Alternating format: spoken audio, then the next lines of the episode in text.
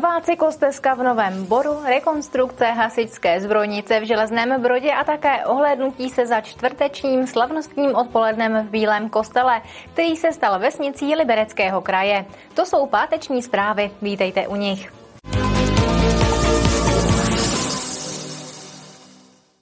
Projekt cyklostezky z Nového Boru do České Lípy dostává reálné obrysy. Město Nový Bor dokončilo první etapu zhruba půlkilometrový úsek, který vede směrem k přírodnímu koupališti.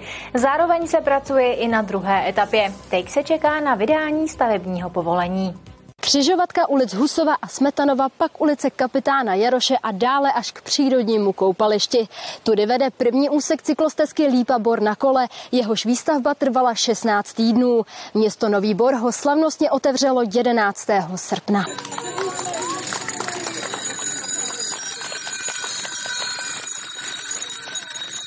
My si tím řešíme některé problémy týkající se infrastruktury, to znamená napojení na halu, bezpečné, osvětlené. Řešíme si tím prostor napojení na sídliště Západ, respektive ulici kapitána Jaroše. E, nicméně ta největší a důležitější je, že teda cyklostezka z Nového bodu do České Lípy dostává tvář a stává se skutečností. Hlavním úkolem celého projektu je odvést cyklisty z frekventované silnice 1 lomeno 9 kudy denně projede zhruba 16 tisíc aut. V současné době pracuje Nový Bor také na druhé etapě. Máme dokumentaci ke stavebnímu povolení a probíhá inženýrská činnost k vydání stavebního povolení.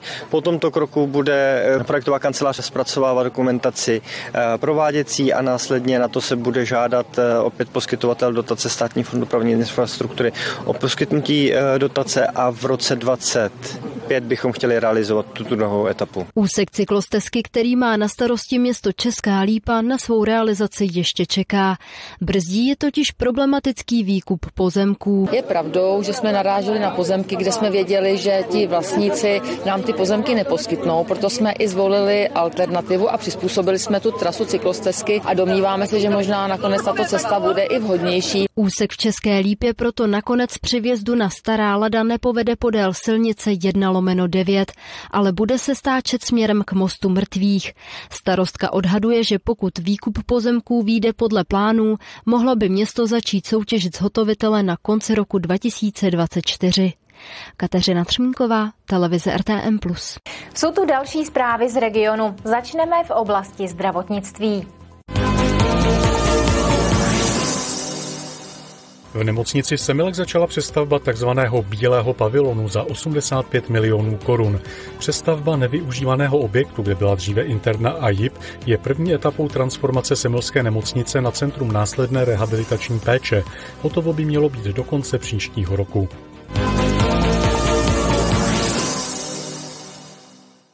Sislům, které na letišti v Hodkovicích nad Mohelkou vypustili ochránci přírody v roce 2017, se daří. Rozmnožují se a v minulém roce už jich tam napočítali 220. Letošní monitoring ještě není u konce. Vypadá to ale, že počty opět narostly. V Jablonci nad Nisou zemřel cyklista po střetu s osobním autem. Tragická nehoda se stala na kruhovém objezdu Červených poblíž Pražské ulice. O pomoc při objasňování okolností nehody žádá policie případné svědky.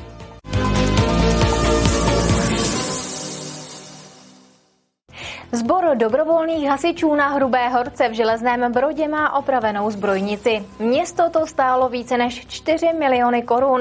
Na opravy budovy naváže instalace herních prvků na přilehlé dětské hřiště. Oprýskaná omítka, stará netěsnící okna a dožilá střecha. Tak vypadala požární zbrojnice dobrovolných hasičů na Hrubé horce. Teď je všechno jinak. Objekt hasičské zbrojnice na Hrubé horce byl uh, historicky v horším stavu. Další dobu tady neprobíhala žádná údržba, to znamená, že objekt celkově jako takový byl, byl zateplen, kompletní celá obálka, je nová střecha, e, jsou opraveny komíny a celkový vzhled jako takový byl vylepšen. Podle zhotovitele šly práce podle plánu. I přesto se drobné obtíže objevily a není divu. Přeci jenom je to stará budova. Běžné komplikace, které se při každé stavbě vyskytují, jsou, to je pravda, ale není to nic, čím bychom se nedokázali poradit a ve spolupráci s městem všechno proběhlo v pořádku. Rekonstrukce budovy stála více než 4 miliony korun. Město na ní získalo i dotaci. V následujících dnech se ještě dodělají drobné detaily, jako osazení obrubníků nebo závoz zeminy. Na opravu budovy pak naváže instalace herních prvků na hřiště, které s hasičárnou sousedí. To hřiště bylo, bylo trošku jako historicky zastaralé, takže tam i hrozilo nebezpečí nějakých úrazů, proto se některé jako prvky vyřezaly a teď prakticky v září by se mělo začít budovat to hřiště tak, aby zase příští rok mohlo sloužit i dětem. Byla už i anketa na to, které prvky by tady ta mládež chtěla, takže nějakým způsobem se to připravilo. Hasičské zbrojnice opravuje železný brod postupně. Na svém území jich má celkem šest. Martina Škrabálková, televize RTM+. Řidiči se musí v Liberci připravit od pondělí na další komplikaci, více v rychlém přehledu. V Liberci začne v pondělí uzavírka Chrastavské ulice, která vede z Růžodolu do horního centra města. Dopravní omezení potrvá do konce srpna. Silnice dostane nový povrch. Ulice totiž bude sloužit jako objízdná trasa při opravě páteřní Sokolské ulice.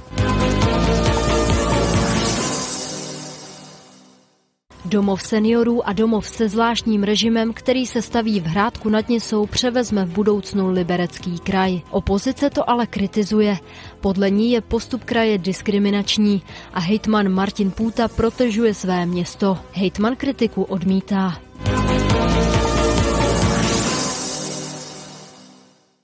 Policie v České Lípě prověřuje požár panelového domu pro podezření z obecného ohrožení z nedbalosti. Hořet začalo od rozvodné skříně. Hasiči museli z domu evakuovat 54 lidí, včetně sedmi dětí. Vyšetřovatele teď budou zjišťovat, jestli někdo nezanedbal povinnost při kontrole stavu rozvodu elektřiny. K požáru mohli údajně přispět i přemnožení potkani.